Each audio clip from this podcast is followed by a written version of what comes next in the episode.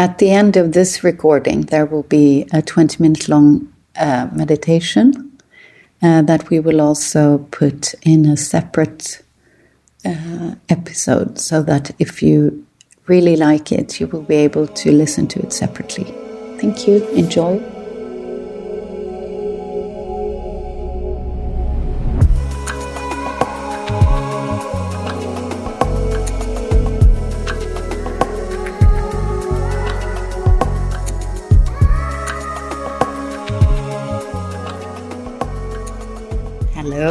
Today we have someone very special joining us, and she will share about her life and what she teaches.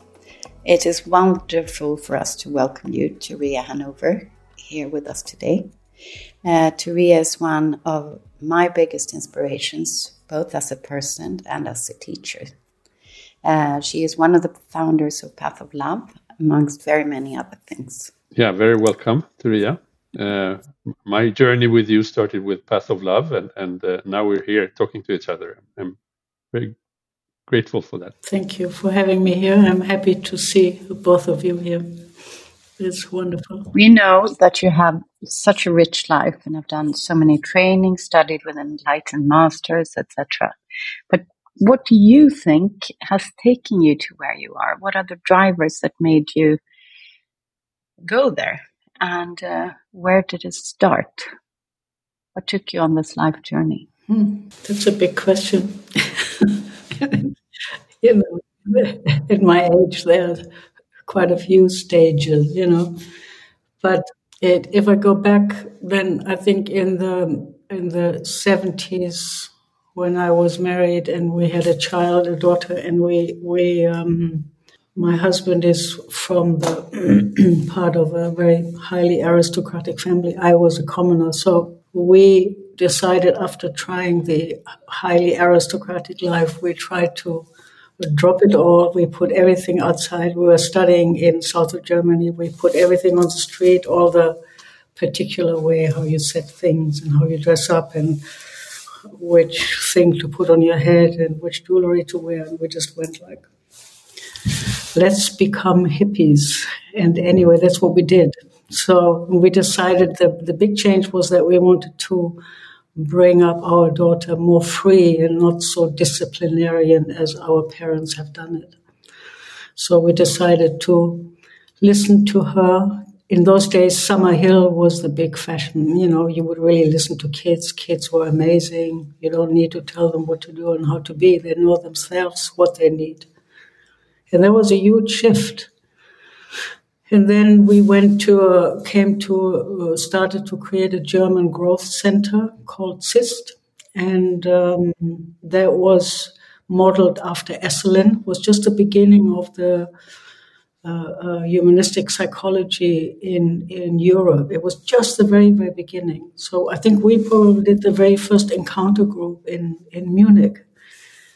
And um, uh, both of us. And I cried for the first time in front of people. That was like, my God, crying, you know, let alone crying and then in front of people and let alone have somebody touch you while you cried. It was like a revolution for, for both of us. You know, my husband is brought up so tight and structured and you know not a lot of physical warmth or anything there. So that changed our lives totally. So then we moved to ZIST we were invited there. We did the first nine month program. We lived in a commune. We did millions and millions of group with only 16 people every month something else you know. We did primal we did gestalt we did work with Gabrielle Roth we did work with Jim Simpkins. We did endless Gestalt things. We worked with um, the wife of Fritz Perls. I mean, what not? Malcolm Brown, who was the big bioenergetic guru at the time. And um, it changed my life. It changed our life, you know. And then after the nine months, well, wild nine months, of course, because it was completely new. You would lie down and scream for one hour, do the primal scream, you know, after Janov was like, my God, that was like a revolution in those days, you know. Just a question What did your royal in laws think of you And how did you meet? They didn't. Yeah, we met in boarding school. We went into South Germany. That's where we met. We were like boarding school lovers. Well, they of course didn't like it. They didn't think it was such a great idea anyway to get married to me. they didn't like it. I'm a commoner. Uh, my husband was meant to marry really somebody else. They tried hard to make it happen, but it just didn't work out. So anyway, our love lasted more than all those ideas. And then when we went into ZIST and did all these groups, they were horrified. You know, they were like, my God, they, they were absolutely against it. And my father-in-law, they, we had some big fights in the house. And I mean, it was like, it was really, for them, it was really challenging to suddenly talk about your feelings and come home, be really angry because your father is a fucking tyrannical, God knows what, you know.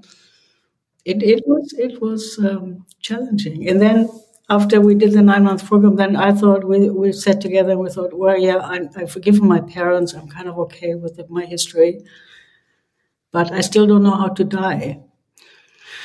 And then we were with a um, Hungarian monk that was teaching us acupuncture you know, and he had been uh, uh, put away by the in Hungary mm, in uh, prison under under what's it called under the earth in big mines he had to work for years and years and years he had to work in the mines they would never come out and they would never know when you get shot so he lived there, I think, for, I don't know, maybe, maybe 10 years. And when he came out, he was completely, nothing of him existed anymore. Somebody picked him up, brought him to, to uh, Tibet or Dharamsala then, and he then became a Tibetan monk.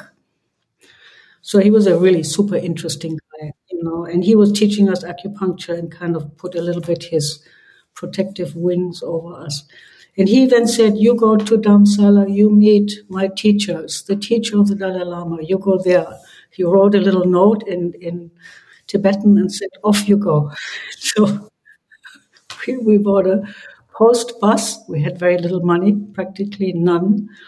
And uh, we bought a cheap bus. We rebuilt it within 14 days with a big bed and a big uh, thing for the food in there and, and a place for the kid and so on and so on. So off we went. My family, my, my in laws, they were horrified.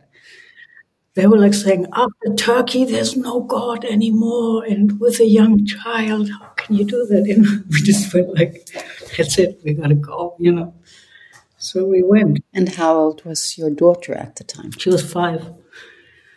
You know, so of course, she loved it. We all loved it. We wanted to go. And it was also the fashion then. There were quite a few hippies moving east. And uh, people would drive cars up to Kathmandu, then you sell it there, and then you have some money, and then you, you stay in east for a little bit. That's, that was the idea. We had no money, none. So we kind of just make, made it. Yes, just going back to the groups in Germany before you continue. Uh, I, I'm curious about who who were they? Who were attracted by being in a group like that at that time in the 70s? Well, we were a group of young young people our age, of course, from all kinds of background, very, very different kind of people. We were 16 people and uh, 17, uh, eight couples and one guy who was by himself and we lived together. We had children there, and we did the groups together. It it was the new fashion. People wanted to explore humanistic psychology. You know, it was the big new thing. So there were lots of interesting people, psychologists and uh, you know university professors. It, it was it was the new way of dealing with people than just to sit behind somebody and, and fantasize about your ideas in your head and, and so on and so on, you know, Freudian therapy. So we had the interesting people also came, really interesting. It was, it was an interesting bunch of people. It was very, very modern and very free and I don't know, we cooked together. We then, I did the garden, and then sometimes we did the cooking, and they had five kids, and we had our kid, and there were some kids for the neighbors, and was in the countryside. Wonderful. It was really nice. If we go back to your road trip, tell us a bit more about that and what happened. It's an amazing story. through Turkey, through East Turkey, where we we tried to change the money, and then suddenly all these guys were looking into the car, and and they they I thought they would attack us, they, they would do something horrible. It was quite dangerous. And then anyway, we went on, and then through Afghanistan, where, where we met a Sufi, a real beautiful Sufi teacher, wonderful guy who, who played music, played the oud in the night, and he kind of fell in love with our daughter and but you know how the Sufis are. Then you have to go to Damascus and meet his brother-in-law, who is the ink maker. And we were like, well, we're going to India. so we went three months, and then we traveled to Dharamsala. And um, the funny thing is, the teacher of the Dalai Lama, Geshe Rabten, he had just two weeks before, he was sent to Zurich to run the Zurich monastery. So he wasn't there.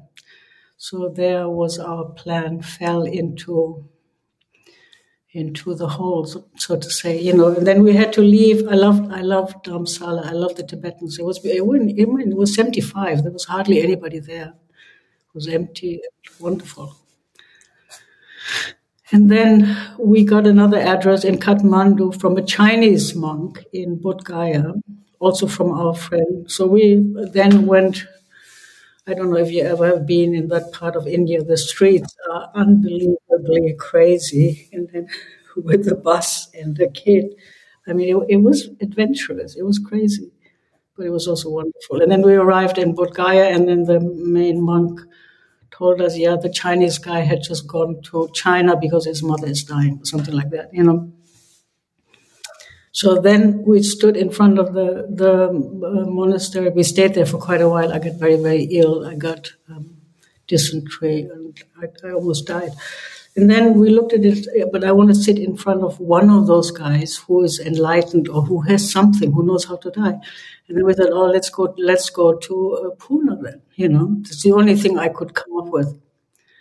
So we sold the car up there, almost my husband almost got killed, but by some Nepalese mafia. God knows, it was really dangerous. And then, yeah, we, we, we took an airplane, went to Calcutta, from Calcutta to Mumbai, where I met my first Indian cockroach that size. I was like, oh my God, this size cockroach. And then we went to, we arrived at the Pune Ashram 75, you know. And then my husband, of course, said, Yeah, I don't come to the ashram. I'm not interested. I stay in the hotel. But he didn't last long in the hotel. Of course, we came and also talked about Jesus and about his last days when he got crucified. Anyway, it left a deep impression. And, and our daughter took sannyas first. She jumped in. She was the first one. And then we also came, and then we stayed there for four months or something, and then came back in red robes long hair. My husband has curly hair, so until here. and in Munich, my father-in-law picked us up in this little tweed jacket and very fancy with his little BMW. He was he looked at us. He was like, "Oh my god." he must be joking. You know, and of course, then we wanted to wear long orange robes. There was, you know, we had we were sannyasins. So it was really crazy. How come you had this longing to sit with an enlightened person and to actually make that happen in the way that you did with the family and the travels? Well, I always had that kind of, um, already as a kid, I always had a some kind of a longing for something else than just family and mom and dad and dabby dabby dub you know, I, I always thought like this life must be about something else. Already as a kid, I remember that very well. You know, I don't know why. Maybe I was born when my parents got divorced, so it, I was already born into a split family. My brother went with my father. I had to stay with my mom. I had a stepfather. So, you know, I don't think I had a deep sense of I belonged to that place. And then, of course, you go somewhere else. Where do you really belong to? And that was always something else. There's always something else that I was interested more in than that kind of family, you know. And that, that stayed my whole life, that sense of what are we really here for? Or who do I belong to? Or what do I belong to? You know? So there was there was always strong. That still is so. I still feel like I'm a homeless I'm a homeless belonger, not belonging. But then you went back to India. Yes, yes, we came back, but then we, then we packed up everything and then we left for good. So we then came to live in the ashram for until 81, until my husband suddenly unexpectedly died. But before that, Osho gave me my name and said, anyway, he, he said to me, you don't need any groups, not needed, you know. And then four days later, I was the assistant in called the Encounter Group, one of, one of the most scariest group in the ashram. I was terrified. I was 26 years old. You know, I was like really like, what am I going to do in that group? It was a really scary group. What group was it? The famous Encounter Group. And then I, I, I was so terrified. Four days later, I was in that bloody group. I was like, I, it would have never come out of my head to go there. Never.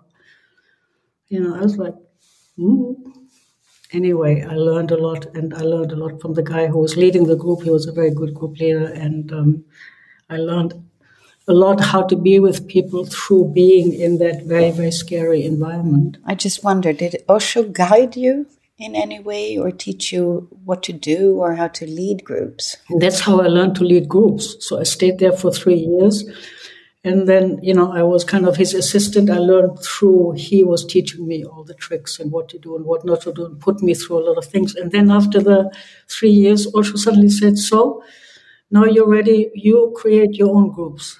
You don't need to be his assistant anymore. There was, I was then 30, 29, 30. I was like, what?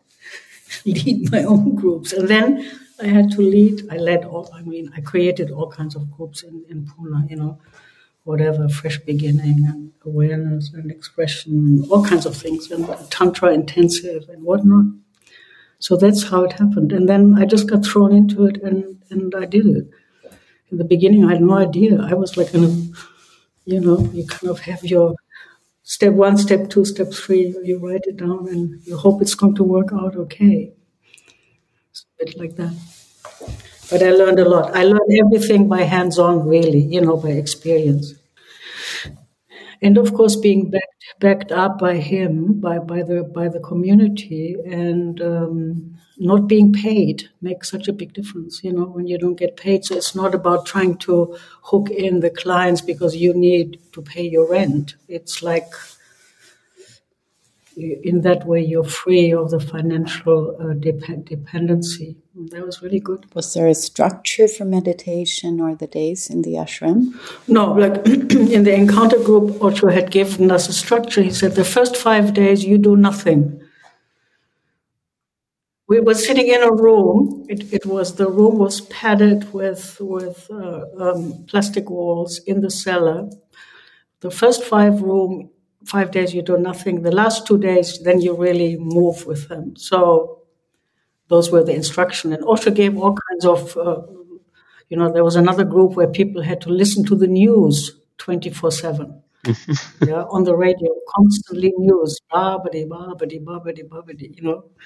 And uh, there, there were groups where the people did vipassana, they did nothing else but sitting all day long, sitting and walking, sitting and walking. There were all different kind of things. You know, some were designed by him, some were designed by, by us. But after every group, he would then sit with us and then he looked at the participants and he asked, How are you doing? and how's it going? And then he asked us. And then sometimes, you know, if you didn't do so well, you been made very clear. Did all did all these uh, groups uh, I'm thinking about the, the news group and so on. Did, did they all have a purpose? Well, I don't know what the purpose was, but Osho said that our, our Western mind is so busy, we're so restless, we, we cannot immediately go into meditation. This is just a preparation for meditation. That's how he put it always. And that's how I understood therapy is a preparation for meditation. If we don't come to meditation, you know, problems go on forever. If you've done this life, then people do past lives, and then blah blah blah blah blah. You know, so unless you move into meditation, into whatever whatever meditation is, therapy has an endless function. You know. I think that's so. that's good, how I understood yeah, it. That's a strong then, purpose. You know, yeah, we would sit in the morning together. Then you had a group, and then in the evening we also had meditation. So the meditation was the container of the ashram. You know, and the group was just something you did in between. So you help people clean out from their from the madness that they bring with themselves. I see. Yeah. Good. Thank you. And then there was a sad event in your life, right? Yes, my, my husband passed away very shockingly and very unexpectedly. And of course, there was the death that really completely shook me up. But it, it was also, um, I was, he was 33, I was 32. So, um, yeah, what to say? It was just one of those experiences that really completely changed my life around. You know, I can only say my life before that and after that. Even in only in hindsight, I can see that I was probably also under a lot of shock until I came out of that event. And I always say, like, after that, you don't fall in love anymore. You know, you don't. The lightheartedness is gone. That kind of tralala about life, and we do this and we do that, and who cares? You, that kind of vanished for for a lot of the time. But we had a beautiful celebration. We brought him was amazing. We brought him down on a on a bamboo uh, stretcher down to the river. I had to burn his body. That's what the, in India the women do. What is like crazy? I mean, beyond me. So they didn't burn you then, as they sometimes do in India or did back in the days. Yeah, I was lucky. In the old days, you had to jump in as a, as a widow. In India, it's still that is still custom.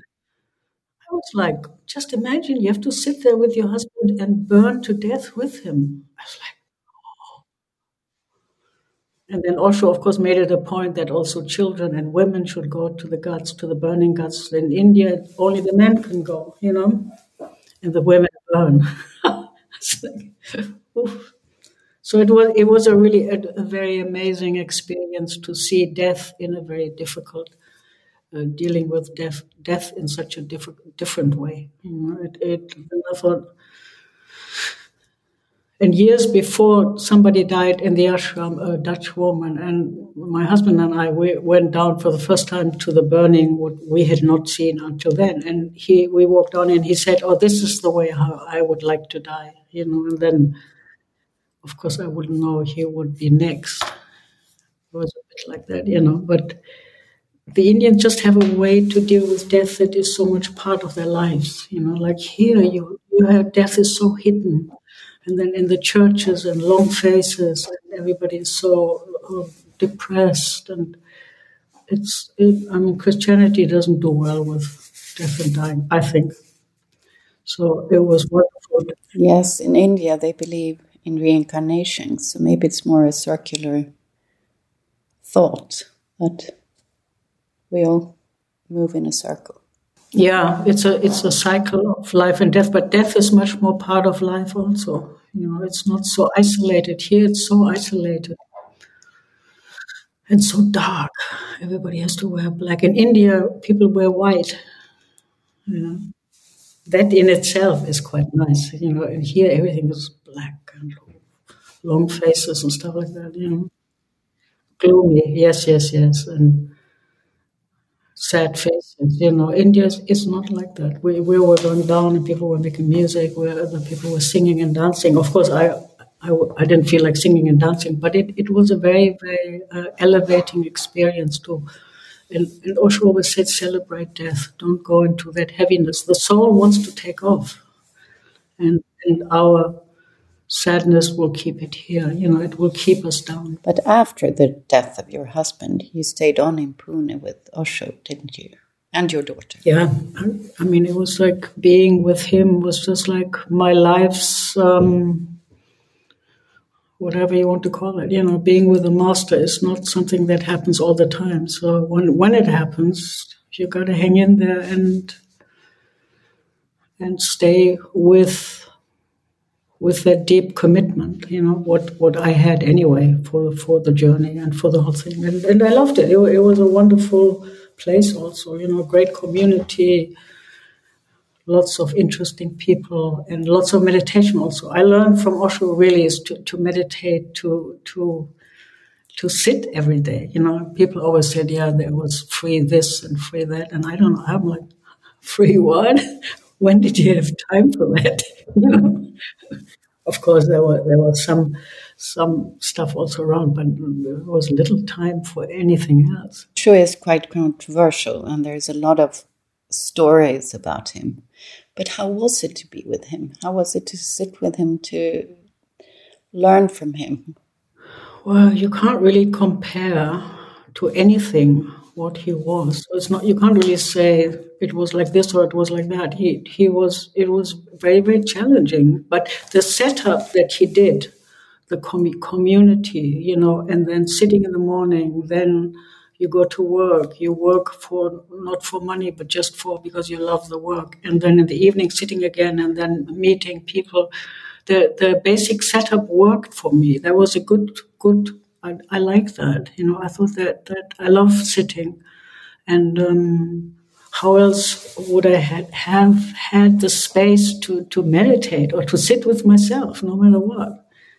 And him just sitting in front and blubbering along, and sometimes you fall asleep because you're so tired from the night before, and sometimes you're happy, blissfully enlightened.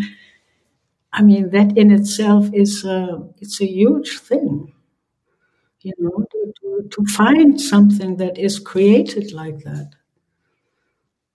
And then what I loved mostly about Osho is his sense of humor and that it wasn't just only serious, it was also celebration. I mean, you have like many different paths like Zazen or Vipassana, they're, they're dead serious.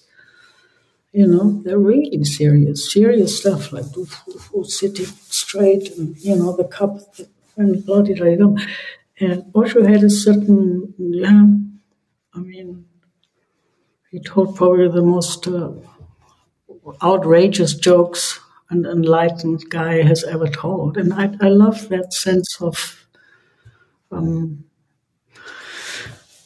yeah, you can't really, I don't know what to say about him. He, you know, when you hear people talk about him, everybody has a completely different experience of who he is. Not one person will say the same. He just set up a learning situation, and I think he set up an experiment, and then you do with that experiment whatever you want to. So, enlightenment and to be enlightened, what does it mean?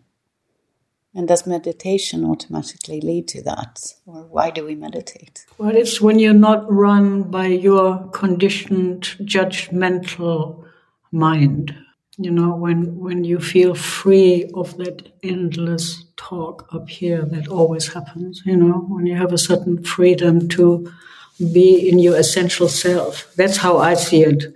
You know it's it's it's being free from from your mind's conditioning. And that in itself is a huge piece of work as we know you know we're working with that all the time i work with it it, it takes forever. You know, we're so conditioned, we're so narrowly conditioned.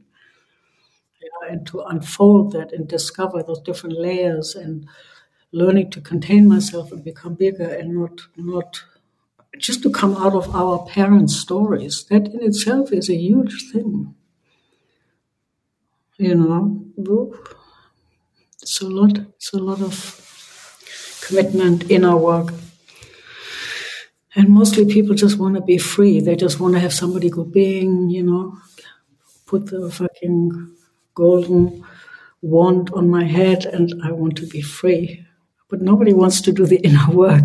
but after many years and Osho's death, you left the ashram. Yeah, eventually I came out, and after he died, um, left his body, as we call it. Uh, yeah, then I set, set myself up in, in Munich in a whole different life. I was, I was terrified. I never had a bank account. I had no income. I had no money.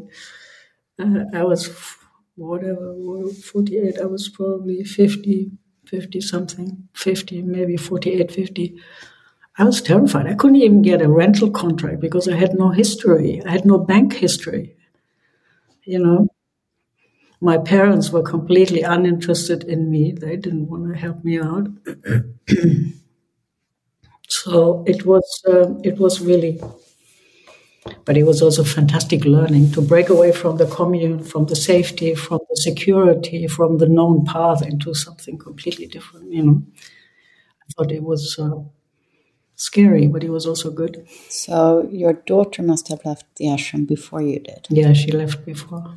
And then you studied with Faisal and Almaas and learned about the essence work, which is also a beautiful teaching.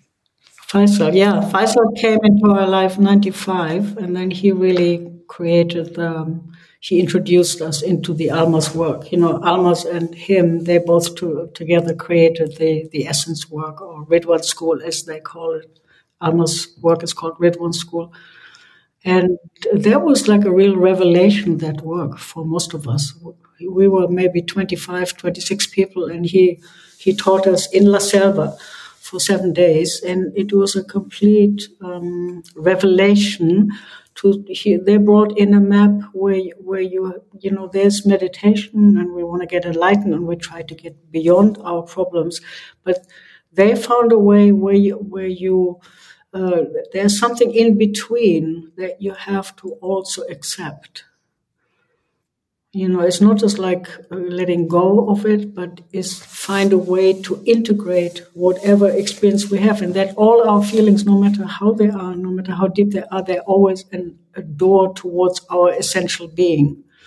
So it it really um, it, it really brought an, uh, um, a connection between enlightenment and problems, you know, ego yeah, something in between, and this in between has, for me, manifested in that work. It was a revelation. I thought I have to get out of my ego. Get the ego is, you know, you have to get rid of your ego, get rid of your ego, meditate more, become more dissociated, you know, and and um, don't move and do one more vipassana or not.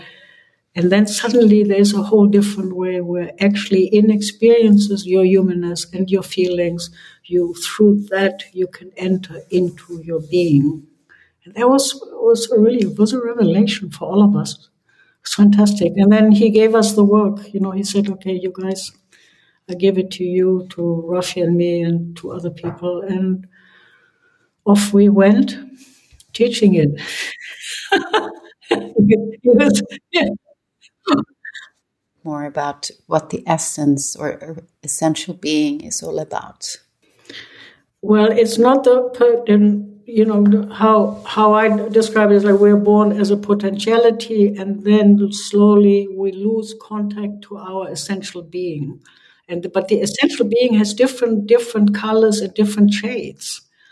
Yeah uh, whatever you know the black has to do with power and the green has to do with compassion what we just did and and sensitive attunement and the red has to do with the courage to stand up for yourself. So um, and the yellow has to do with celebration and the white has to do with your grounding and your trust you know your loyalty towards your being. And each of these uh, uh qualities we lose connection to it in our childhood out of.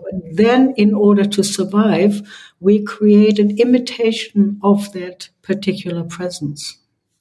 Let's say you lost the, the connection to the red to your courage because your mother used to scream at you when you come home and you know your, your dress was dirty you had great fun but she's like yang yang yang mm, how do you look like?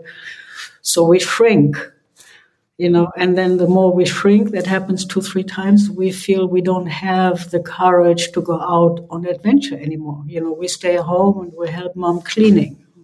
We do boring stuff you know but inside of course we're unhappy. And then the ego's trying to reproduce the false red.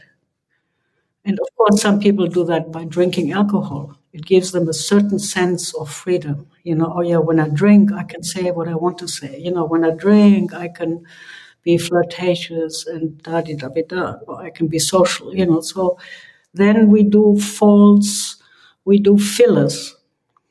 Yeah, that gives us the feeling as if I'm in the red, but I'm not really in the red. You know, so it's frustrating. And then you look at all those issues, and then you deal with the issues. Why have I lost my courage? And what are the consequences of that? And then, but eventually, you come to a sense of a loss. I miss that quality inside of myself. And the whole work is about learning to contain that whole. And in that whole, in that opening, you find the true connection to the, let's say, the red essence, you know, the essence of courage. But that is much finer, much more subtle than what the ego does. And that's the inner work to find out what's the true, what's the false, and how do I relate to that, and what, what are the issues that I'm not wanting to be with. So, just as an example, but I think it's a it's a it's a fantastic understanding, you know. And it it, it and I really I can really easily um, stand up for that in in in in the you know in working with people because it's not like something you big bang and then you're free. And we all know there is no big bang. We tried all that. How many big bangs did we do? You know, and then there's Monday morning and Tuesday and Wednesday, you lose it again, and and Thursday you go like, oh my God, I failed, and I wish I would have not said that, and by Friday you're depressed again. Yeah? So, and then you have to drink because you feel so depressed. exactly. oh, you have to go out running for two hours, you know, because you feel so angry with yourself that you failed again. Yeah. So this is just a, a map where what helps us to, to look at our stuff ongoing, you know, no matter how enlightened or unenlightened we are. And I like that. I like it's a, it's not this kind of end products and you run towards some goddamn goal, you know. And and it speaks to me. It's it's uh, accompanies us on our life. And as we know, the older we get, we know you can't escape the certain sufferings of life. It is just like that. There are things that happen, and we have to deal with it. You know, and they just happen. So yeah, it, it speaks, it, that whole map, I understand it deeply and, and uh, I find it very, very satisfying also to teach. A lot of us feel like the world is a bit mad right now. and uh, there are a lot of people who maybe are not so interested in working with themselves or trying to make this world more beautiful, but more into, I don't know, war and darkness. But at the same time, we see a lot of light going on and that people are opening up to meditation and to mindfulness and all this. And what, what do you think is going on? But I mean, today also, if you look at mindfulness, it has a huge, huge, um, it's a lot of people who are keyed into mindfulness. Mindfulness is just a way how to deal with the madness of your thoughts and of your mind. And I actually do uh, I do some of those courses because I was interested, and they're actually quite good. They help people really how to deal with your own madness that goes up in there, and how to slowly learn to become more. Uh, uh, more a witnessing quality, and they teach people very slowly, but also uh, quite good.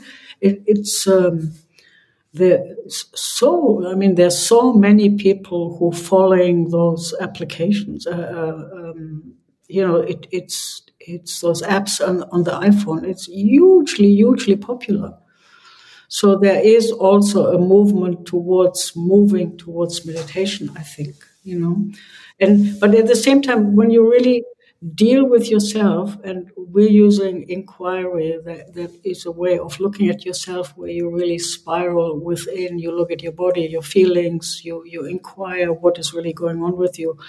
Usually I find I just did it this morning here with a woman where I live with. And by the end, you end up in a place where you feel connected and when you feel in presence. You know? And once I'm in presence, it's very easy from there to meditate. I don't need to just sit cross legged and drink green tea. You know, when I'm in presence, I can do cooking and I can go for a walk and I can paint or whatever, you know, or, or talk to my daughter, whatever but I, I, think the basic thing is that once you deal with your stuff, something else happens. And what is that? And to give that more space instead of immediately. I mean, our whole society is about outer oriented and fill up with fillers. You know, distraction. We're so distraction oriented. Yeah, people, it's like out, out, out, distraction, you know, this and next and next and next. And how can we give that presence also some recognition? I think we have to. Otherwise, we're going to destroy ourselves, you know, with distractions, whatever that is sex, money, shopping, iPhone, computers, you know, the whole thing. We're such a distraction society. We, we don't know how to focus on ourselves. One one of the distractions actually that I see is is uh, always striving to to uh, for a goal, uh, for an outcome of everything. So you're so busy on on going towards that goal, so you don't see what's there right now. That I think is a an obstacle for some people to to go into the work that we talk about now because they cannot understand why they should. Yeah, yeah, but the ego is oriented. The ego is made to not not feel those holes, not feel the missing. So the ego then goes out and thinks, with the outer, I find something that will ease up my frustration and my tension.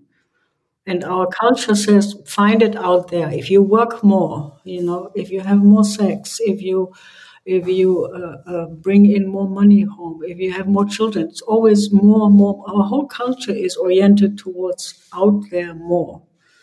And that is what the ego does. It is trying to fill the hole, it's trying to fill that, that missing, what is missing inside of me. Um, so that's why I think always it's, it's great if people have the courage to just take time off. And but for some people it's very difficult because the agitation is so much on the outer. And then when you take that off, they, they just can't. They, they go crazy. It's like, oh, oh, do you know? You have to do something.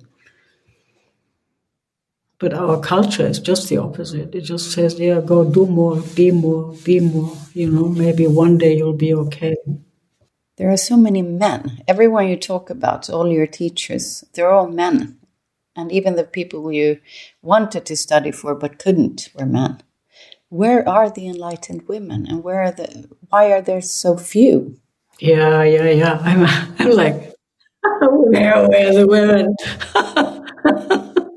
I know. I've been always looking for that I was that was one of my things with Osho was uh, where are the enlightened women? Why why nobody writes about enlightened women? You know, and I'm sure there was uh, many enlightened women, but the men just didn't want to write about them. You know, they didn't didn't consider them as worthwhile.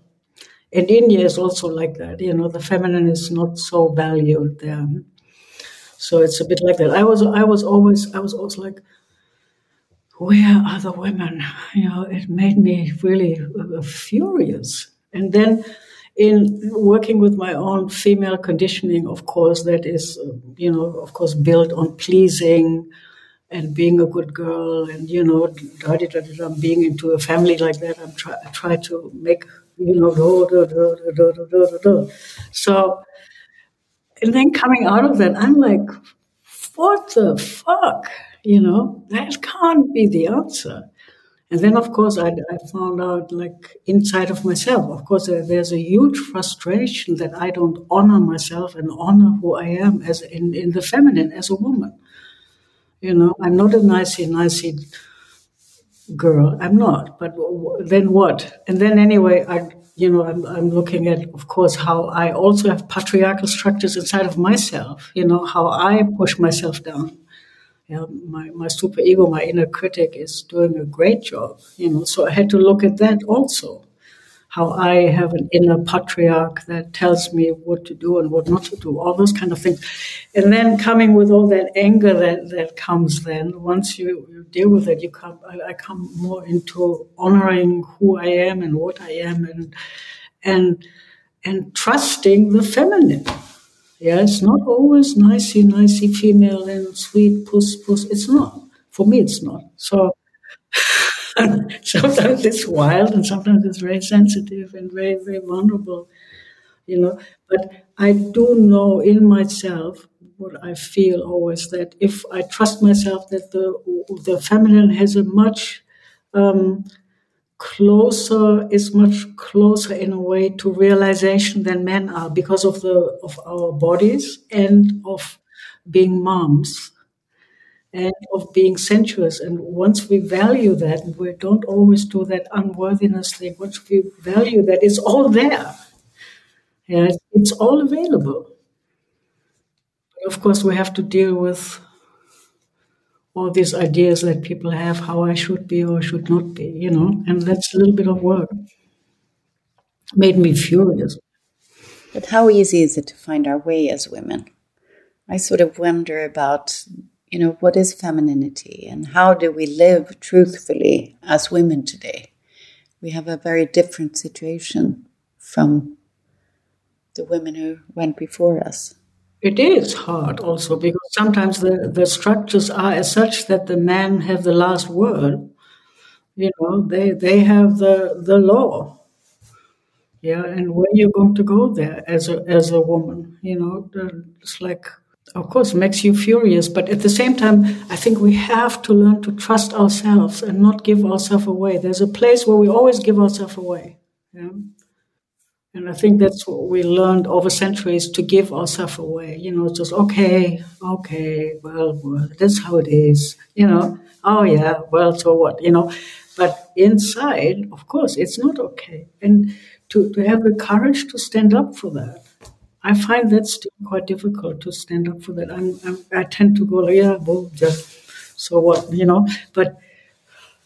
Ah, And I think that for many women is the is the inner work to, to have a voice, to have a body, and to say, you know what, you guys are all enlightened. You know what, we can easily also uh, be in that state if we trust ourselves. You know, and that that is work. It's hard work. Of course, so many women we learn to be passive aggressive. You know, we can't have the power, so we needle from the back door yeah?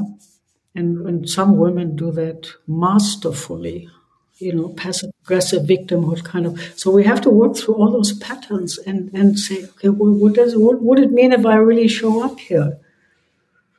And not only, okay, okay, okay, you know. And, and that's that's I think that's hard work for women. That's not so easy. And of course, you don't want to go onto the other side and be male, be like a man, because we're not men. We're women. Yeah, so I think I see some women, especially leadership, they then try to be like a male. You know, they think they, they have to be like men. I don't think it, that's the answer. I think the answer is to be embodied and stand up for the feminine and value what we have. We got so much. You know, like one of my, my Sufis guys always he said, women have a sacred substance where a child is created.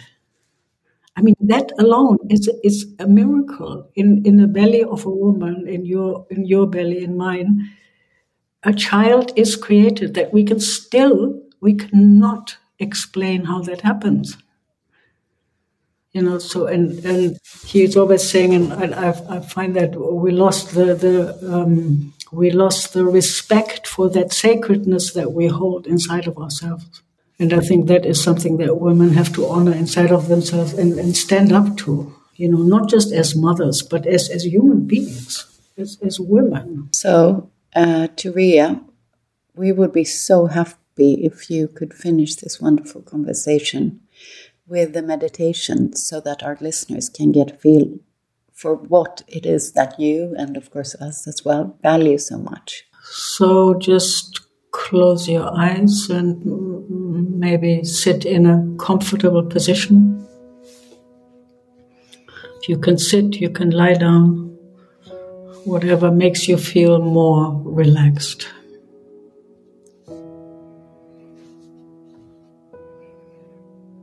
And just take a moment and just see if you can notice your breathing that goes in and out.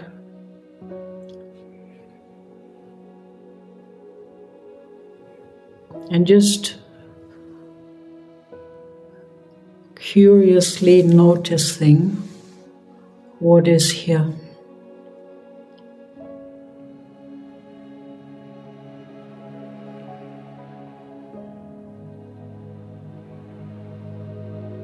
just hearing what you hear, sensing your body, knowing what you know.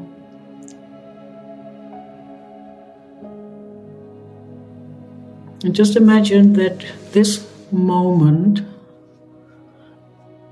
is the most fascinating moment right now.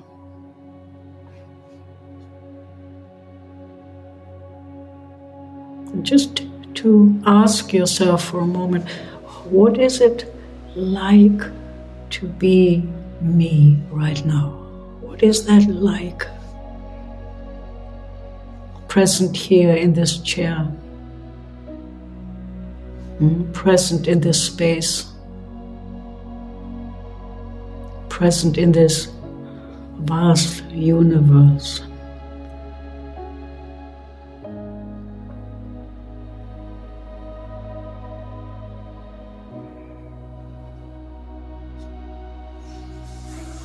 Just take a moment and just rest from that game of having to be somebody for somebody else.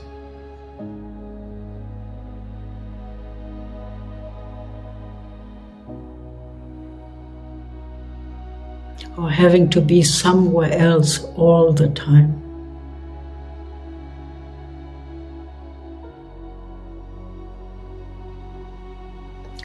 Having to be somebody that has to impress always in order to be accepted.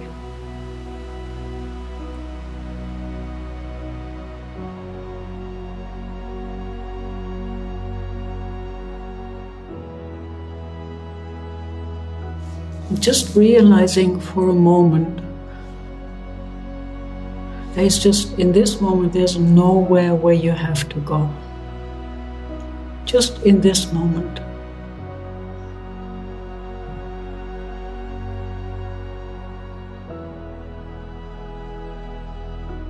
And of course, you can invite all the experience of your past, all of your dramas into the now. Bring all your fantasies and dreams of the future into the now grounding, sensing the chair, sensing your feet touching the earth, the floor.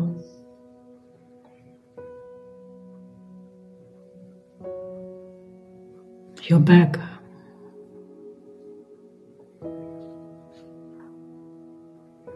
Just with that curiosity, you know, just noticing all the sounds.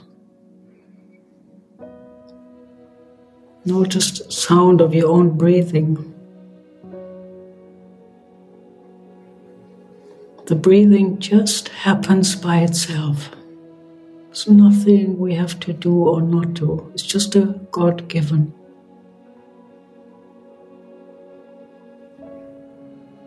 The hearing just happens by itself. Your heart beating just happens by itself.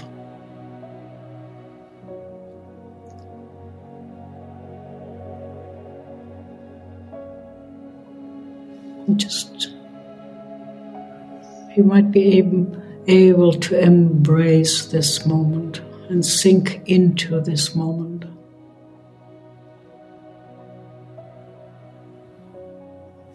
And maybe even welcoming you just like you are right now.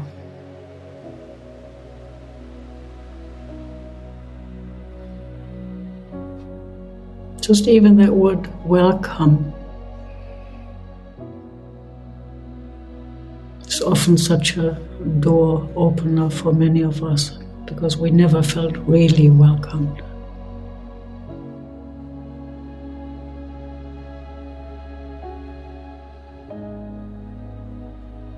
Bringing that welcoming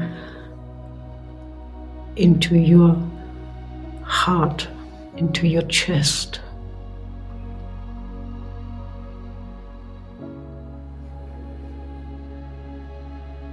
The heart is such a big treasure box.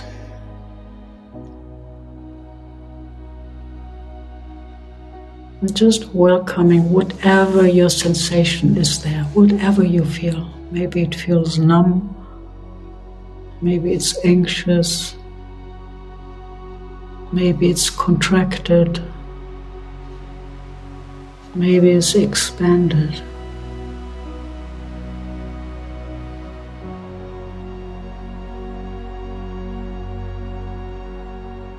and welcoming and sensing all that you are feeling in your heart, all of it.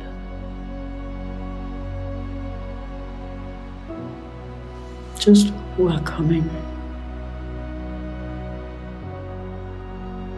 Maybe your heart has been broken many times.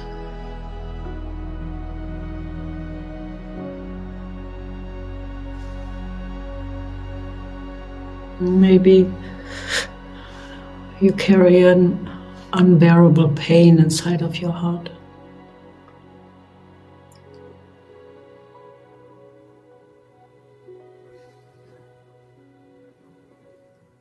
And maybe you were disappointed, maybe you were even betrayed.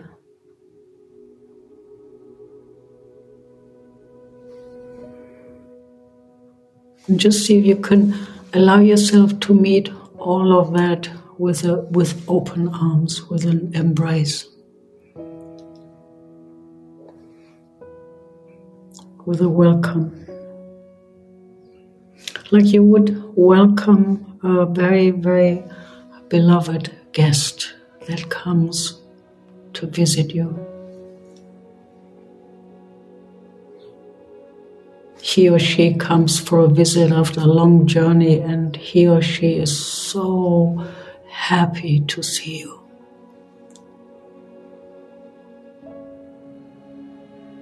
And you're so happy to meet him or her.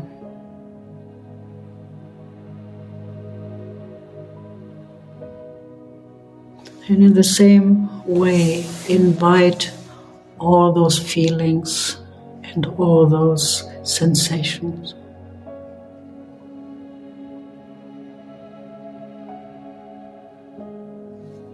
Meditation is just like a warm welcome to all your friends.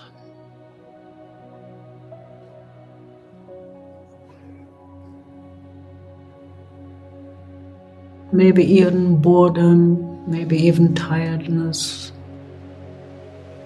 maybe numbness.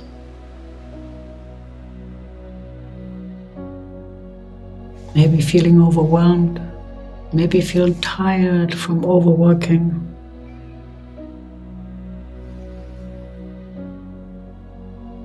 Maybe there's grief for what you have lost a long time ago.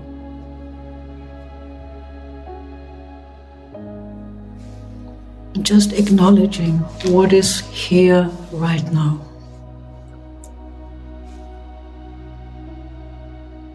And just for a moment, see if you can say yes.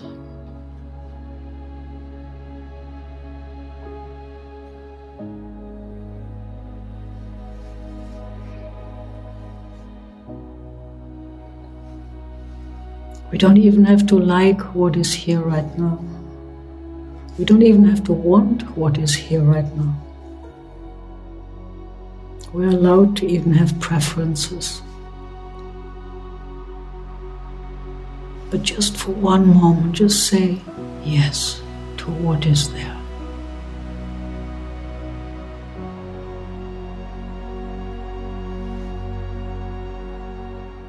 Yes to the boredom, yes to the confusion, yes to our deepest, deepest joy. Yes to our longing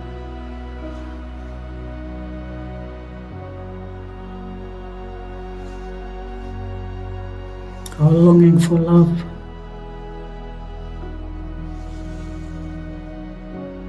Our longing to want to find out what I am here for. Just yes.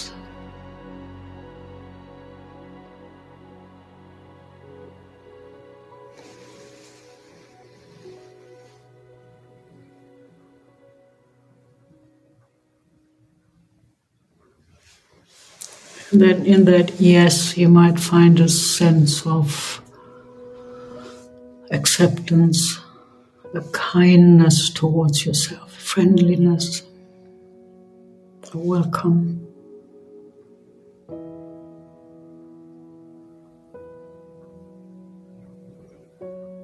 Open arms.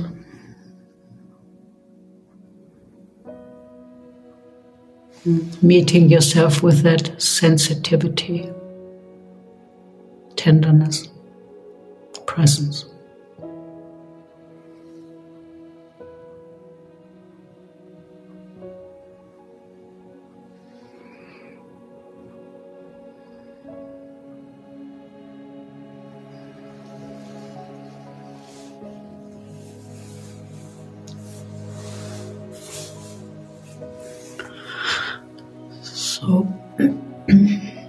You're ready, let yourself slowly come back and open your eyes and sense your hands and feet and arms and legs.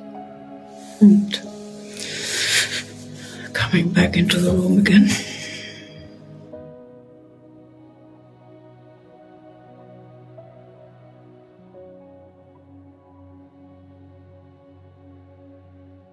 Thank you so much for being here with us today, Turiya. It means a lot to us, and I could go on talking forever. Yeah, it's always wonderful to talk to you, Michaela. You know, I loved working with you. I think we did a great, great piece there. It was really beautiful, and it's nice to have Martin to see you here once in a while. Maybe one day I'll be able to see you work also. Yes, you will. You will for sure. So have a good day, thank you.